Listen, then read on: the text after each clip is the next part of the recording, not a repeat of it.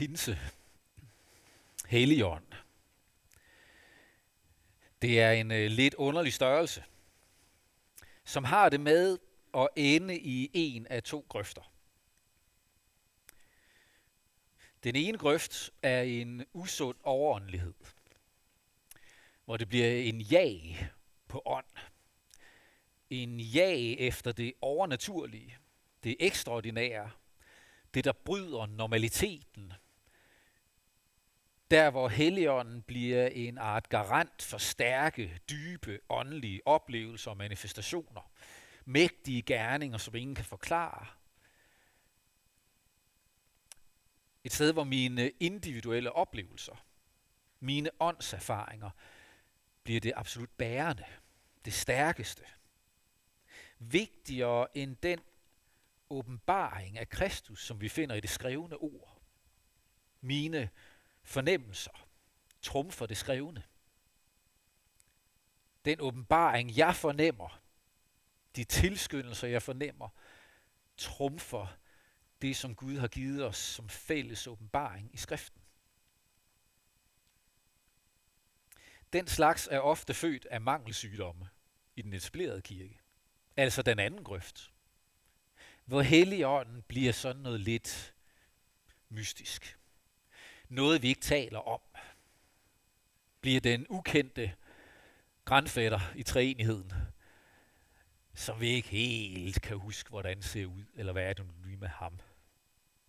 Der, hvor vi slet ikke taler om nådegaver, om at være velsignet til at kunne bære med i tjeneste i menigheden, velsignet og udrustet til at være med i det at sprede evangeliet, også uden for kirkens mure. Der, hvor vi ikke taler om, at vi også er givet lov og magt til at bede for syge. Be ind i nødsituationer med en forventning om, at Gud faktisk hører. Og at alt ikke er håbløst, selvom vi ikke kan få øje på mere end det, vi kan se. Vi vil prøve at lande i dag mellem grøfterne. Fordi Helligånden leder til Jesus i, i mangelsygdom, så bliver det noget med, at vi ofte kun taler om Helligånden som den, der skal lede os til Kristus. Overbeviser som vores synd, så vi får brug for tilgivelse, og så søger vi Jesus, og så er åndens gerning ligesom slut. Så går vi selv videre derfra, for nu har vi fundet Jesus. Helligånden leder til Jesus, det er sandt. Og Helligånden gør også stadig mægtige gerninger, også det er sandt. Hvordan forenes de to sandheder? Vi har allerede hørt fra Apostlenes Gerning kapitel 2, og set det i filmen også, om åndens udgydelse, Peters pinseprædiken, hvad det udvirkede den dag i Jerusalem. Og nu vil vi læse fra Johannes evangeliet, et af stederne, hvor Jesus netop lover dem, at de skal modtage Helligånden. Så I må gerne rejse op og så læser vi fra Johannes evangeliet, kapitel 14. Jesus sagde, Elsker I mig, så hold mine bud. Og jeg vil bede faderen, og han vil give jer en anden talsmand, som skal være hos jer til evig tid. Sandhedens ånd, som verden ikke kan tage imod, fordi den hverken ser eller kender den. I kender den, for den bliver hos jer og skal være i jer. Jeg vil ikke efterlade jer faderløse. Jeg kommer til jer. Endnu en kort tid, og verden ser mig ikke længere. Men I ser mig, for jeg lever, og I skal leve. Den dag skal I erkende, at jeg er i min far, og I er i mig, og jeg i jer. Den, der har mine bud og holder dem, han er den, der elsker mig og den, der elsker mig, skal elskes af min far. Også jeg skal elske ham og give mig til kende for ham. Amen.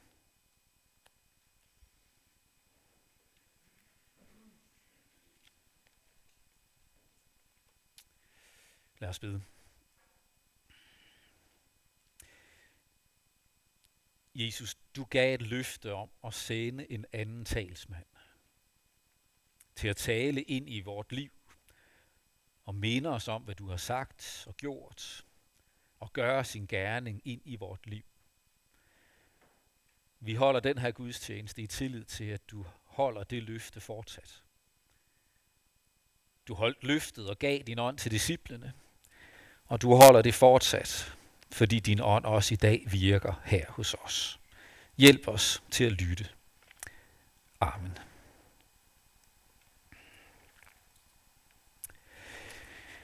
De her ord talt skal torsdag aften.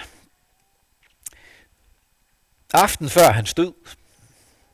Talt til disciplene ud fra en vidshed om, at de fik brug for hans trøst. De fik brug for at have noget at klynge sig til, når han blev taget fra dem. Og det er fantastiske ord. Jeg vil give jer en anden talsmand. En advokat. En, der taler Jesus sag. En, der minder os om, hvad han har sagt og gjort. En talsmand. I ældre oversættelser blev det kaldt for en trøster. En, der skal tale til trøst for os. Det har vi brug for. En sandhedens ånd. Hvad er sandt? En, der kom for ikke at efterlade dem faderløse. På fars dag, kære fædre. Det lå Jesus på scene, at disciplene, at hans nærmeste ikke måtte opleve sig selv som faderløse. For vi har brug for vores far. Vi har brug for den, der er vores omsorg. Vi har brug for en, der er der for os. Og Jesus, hvis han skulle forlade dem, og nu vil han sende en anden, som ville give dem den tryghed, som det var at være i hans nærhed. Jeg vil give jer en anden. Faderen vil sende ham. Det vil de få brug for, og det har vi brug for. For åndens gerning er for det første at fastholde os i påskens under. At vi holder fast i, hvad påskens under er. Med et billede kunne man vise det sådan her. Vil du skifte Martin? Den vil ikke reagere åbenbart. En tilbage, for nu kom den. vil du prøve at gå tilbage? Den der. Påskens under er, at jeg er i Jesus. Det er påskens under. At det Jesus gjorde på korset, det Jesus gjorde i påsken, gjorde han for mig, så hele mit liv er indesluttet i ham. Hele mit liv. Ikke kun det, jeg er stolt af, ikke kun det, jeg glædes over, heller ikke kun det, jeg skammes over eller kæmper med, men hele mit liv er indesluttet i ham. Det er påskens under. At min synd og skyld er opslugt i ham. Det tæller ikke mere, for jeg er i Kristus. Jeg er skjult i ham, jeg hører til hos ham, jeg er elsket i ham. Jeg er ikke længere uværdig til at være i Guds nærhed, for jeg er iklædt Jesus. Han omslutter mig på alle sider. Jeg tilhører ham, sammen med ham hører jeg til hos Gud, helt og fuldt. Med alt jeg er, hører jeg til hos ham. Jeg er Guds elskede barn. Det er påskens under. Og det er det budskab, de havde fået at vide, at de skulle ud og sprede, når de blev iført kraften fra det høje. Der var gået 10 dage nu siden Kristi Himmelfart. 10 dage uden at møde ham igen. 10 dage uden at blive bekræftet i, at han stadig var levende, havde han nu forladt dem for altid. Og hvad skulle der ske med det løfte om en anden talsmand? Og hvordan skulle de nogensinde finde mod til at gå ud og fortælle om det? Hvordan skulle de kunne fastholde troen på, at de med alt, hvad de var, er indesluttet i Kristus? Hvordan er det, vi fastholder den tro? Hvordan er det, vi tør stole på, at alt vort, alt du er, er omsluttet af Jesus. Sonet af Jesus. Elsket af Jesus. Og dermed også elsket af faderen. Det er så nemt at blive i tvivl om, om det her er sandt. Er det nu hele mig, eller bare dele af mig? Eller er jeg nu faldet ud af nåden i Kristus? Kan han virkelig stadig bruge mig med min lille tro? Med mit ynkelige discipleskab? Mig, som så nemt bliver halvhjertet og ikke helhjertet. Mig med mine svingende følelser. At så er der perioder, hvor det er fantastisk at læse i Bibelen og bede, og der er perioder, hvor det er umanerligt kedeligt og pligttungt. Kan en præst have det sådan? Ja. Kan jeg så stadig tro, at jeg er i Jesus? Halvhjertet. Tvivlende. Spørgende. Træt. Som en, hvis mod til at fortælle om Jesus og lukke munden op og bekende min tro og min værdi og min overbevisning, så nemt kan svigte. Det er så nemt at blive i tvivl. Gælder det virkeligt? Eller er det, det var dengang, eller det er de andre? Er det sandt? Vi har brug for Helligånden til at fastholde os i den sandhed. For derfor kom Helligånden.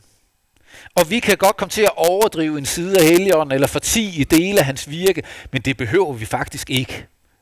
Hvis vi bare vil tage fat i Bibelen og leve af Bibelens ord, så opdager vi også, hvor rigt Bibelens taler om Helligåndens virke. Vi ved så meget om, hvad Helligånden gør. Helligånden, vil du skifte til den næste, Martin? Helligånden overbeviser os om synd og retfærdighed og dom. Det har jeg allerede været inde på. Det her med at overbevise os om, hvordan vores stilling egentlig er, og at vi har brug for en frelser, det gør Helligånden. Helligånden genføder os. Jesus siger det i Johannes 3.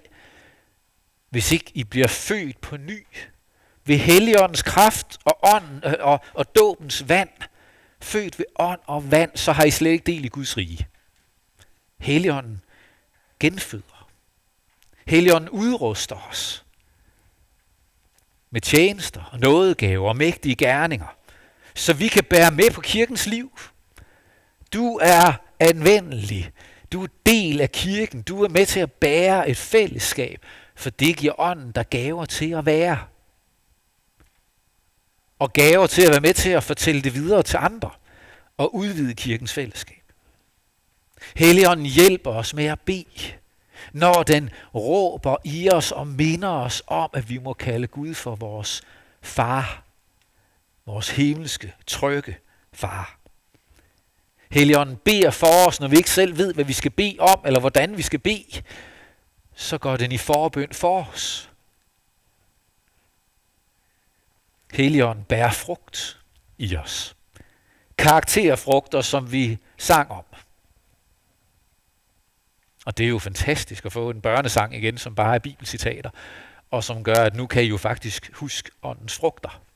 Det er bare at begynde at lave håndbevægelserne, og så er de der lige pludselig alle sammen. Kærlighed og glæde, fred, tålmodighed og venlighed, godhed, mildhed. Trofasthed og selvkontrol. Ja. Det er frugter. Det er noget, der skabes i os, udvirkes i os, frembæres, så vi får lov at bære frugter, så vores karakter ligner Jesu karakter. Hans måde at møde mennesker på, at det får lov at vokse i vores liv, ikke ved store anstrengelser, men ved åndens gerning i os, så vi forvandles, som det sidste deroppe siger, forvandles til at ligne Jesus. Det er fantastisk. Alt det gør Helligånden. Der ligger så nogle små sædler derude med det her dias på, ude ved udgangen, når I går hjem. Bare med de her skriftsteder på og overskrifterne. Måske tage det med hjem, og i den kommende uge læse en linje af gangen. Og så dvæl ved ordene. Og læg mærke til, at det her er, hvad Helligånden gør. Så rigt er Helligåndens virke beskrevet. For Helligånden er ikke en ukendt del af treenigheden. Helligånden arbejder stadig. Og det er den ånd, han lover dem. Og det er den ånd, han sender pinsedag.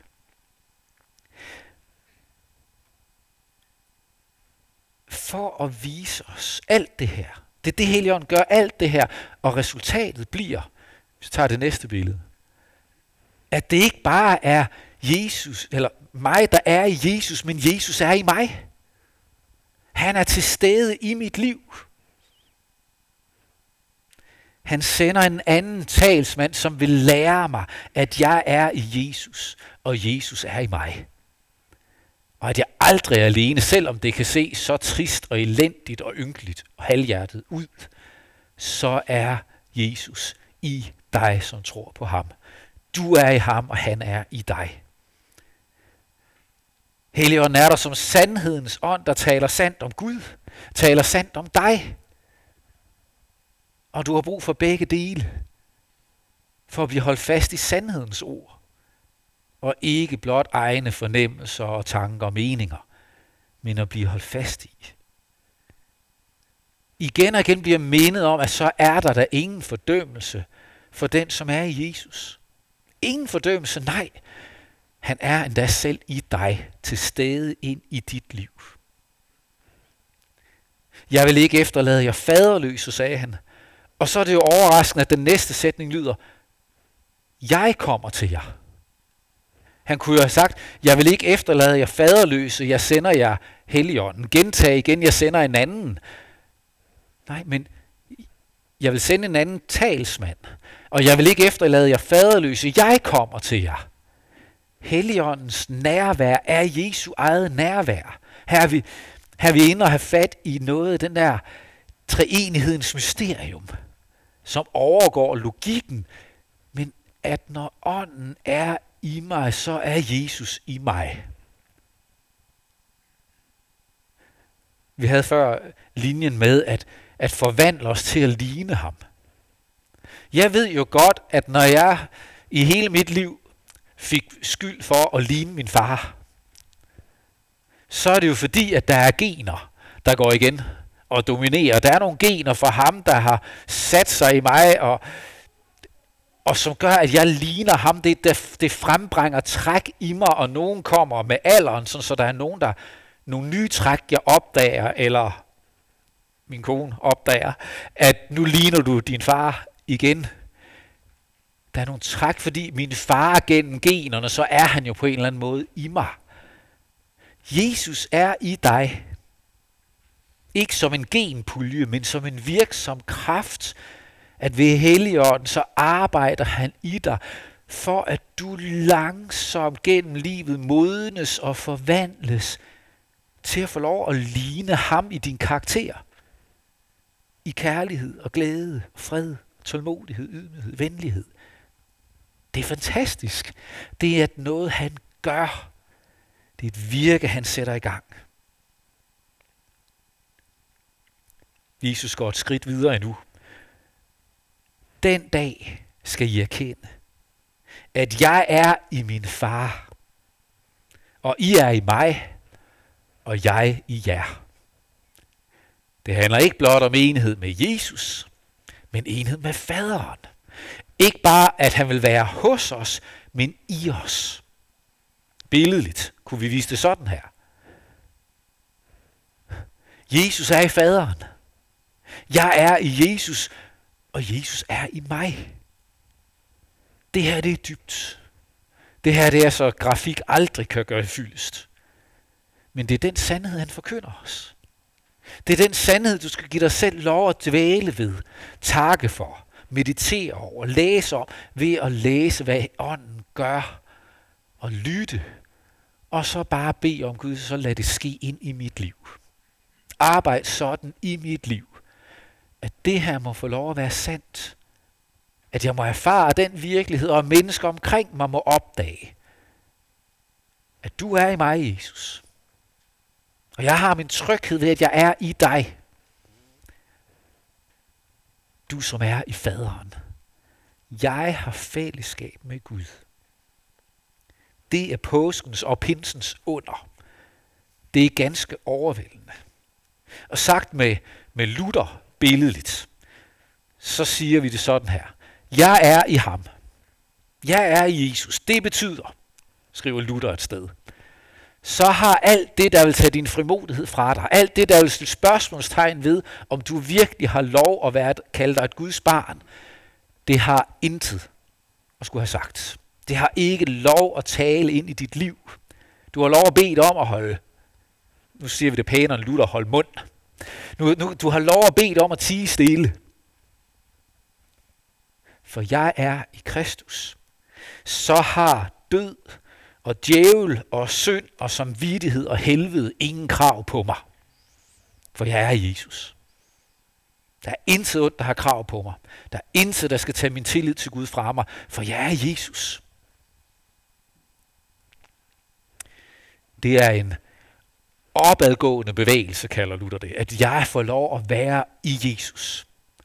Og så er der tilsvarende en nedadgående bevægelse, pinsens bevægelse, at han er i mig. Det næste billede. Han er i mig. Derfor kan jeg gøre alt i tillid til hans kraft og hjælp og støtte og styrke. Alt har jeg lov at gøre i tillid til ham, for jeg går aldrig alene. Det er i sandhed åndens mægtige gerning, at jeg er i ham, og han er i mig. Helligånden er meget mere end den, der skal overbevise os om synd og retfærdighed og dom. Meget mere end den, der skal skubbe os i retning af Jesus, fordi vi har brug for ham. Det er han også. Men Helligånden er den sandhedens ånd, som skulle gives til dem, som allerede tror. Så vi ikke skulle være faderløse, men mindes om, at vi er i Jesus, og Jesus er i os. Med al den trøst og kraft og styrke, som ligger i den erkendelse. Helligåndens primære opgave er ikke at fastholde os i en evindelig, klynkende, inderlig, jamrende og lidende tro. Må det er vores egen synd og elendighed og ufuldkommenhed, der fylder det hele. Helligånden skal mere end at tvinge dig på knæ og bekende din synd. Det gør Helligånden også, men Helligånden vil mere end det. Helligånden vil sætte dig fri til at trække vejret frit i Kristus, for du er i ham, som har taget al din skyld. Og han er i dig og sætter dig fri til at tjene og elske og leve. Den der tro, som bliver evindelig, klynkende, jamrende, bekendende, jeg er ingenting. Dybest set er det en tro, der ikke tror på Guds gerning for os, og at Kristus virkelig har taget min skyld. Det er en tro, der bliver ved at være selvoptaget. Se, hvor dårlig jeg er. Se, hvor ringe jeg er. Se, hvor lidt jeg kan. I stedet for at være en tro, der bekender og siger, se, hvad Kristus har gjort. Se alt, hvad han kan. Se, hvad han sætter mig fri til at gøre og leve. Helion sætter fri. Og der, der udspringer også modet til som Peter på pinsedagen og vidne om hans mægtige gerninger, så folk får lov at høre det på deres eget sprog. Om det så er ranrusiansk, eller hvad de nu taler ja, i Centralafrika. Han sætter fri til netop det. Så tjen, liv, elsk, viden, og træk vejret frit, og lad din tro handle om Jesus, og ikke om dig. Det er åndens mægtigste gerning. Lad os bede. Gud Helligånd, tak for, at du er sandhedens ånd, som forkynder os sandheden om os selv og sandheden om Gud, og sætter os fri i den sandhed, at Jesus har taget al vores skyld og skam på sig, og givet os al sin retfærdighed, renhed og frihed så vi får lov at tjene, bære med i menigheden, vidne om din storhed på vores eget tungemål, sat fri i din nåde.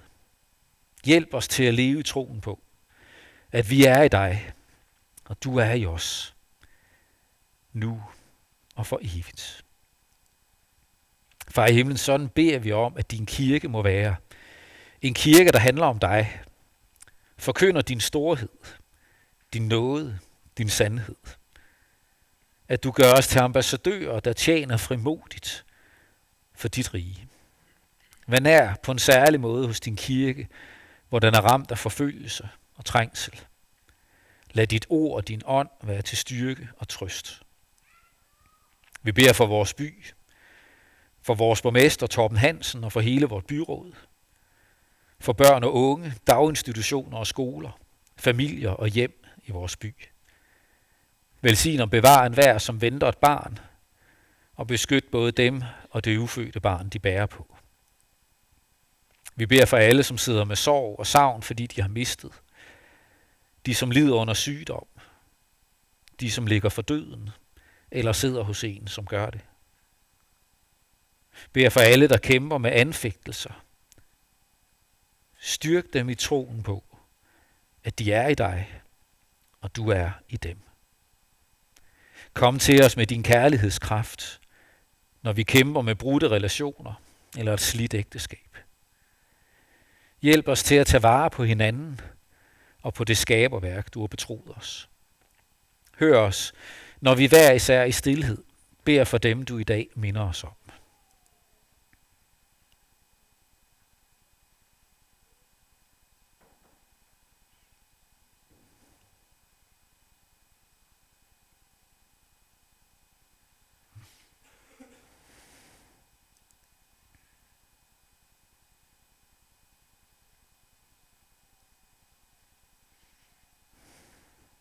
Herre, tak, at du hører vores bøn.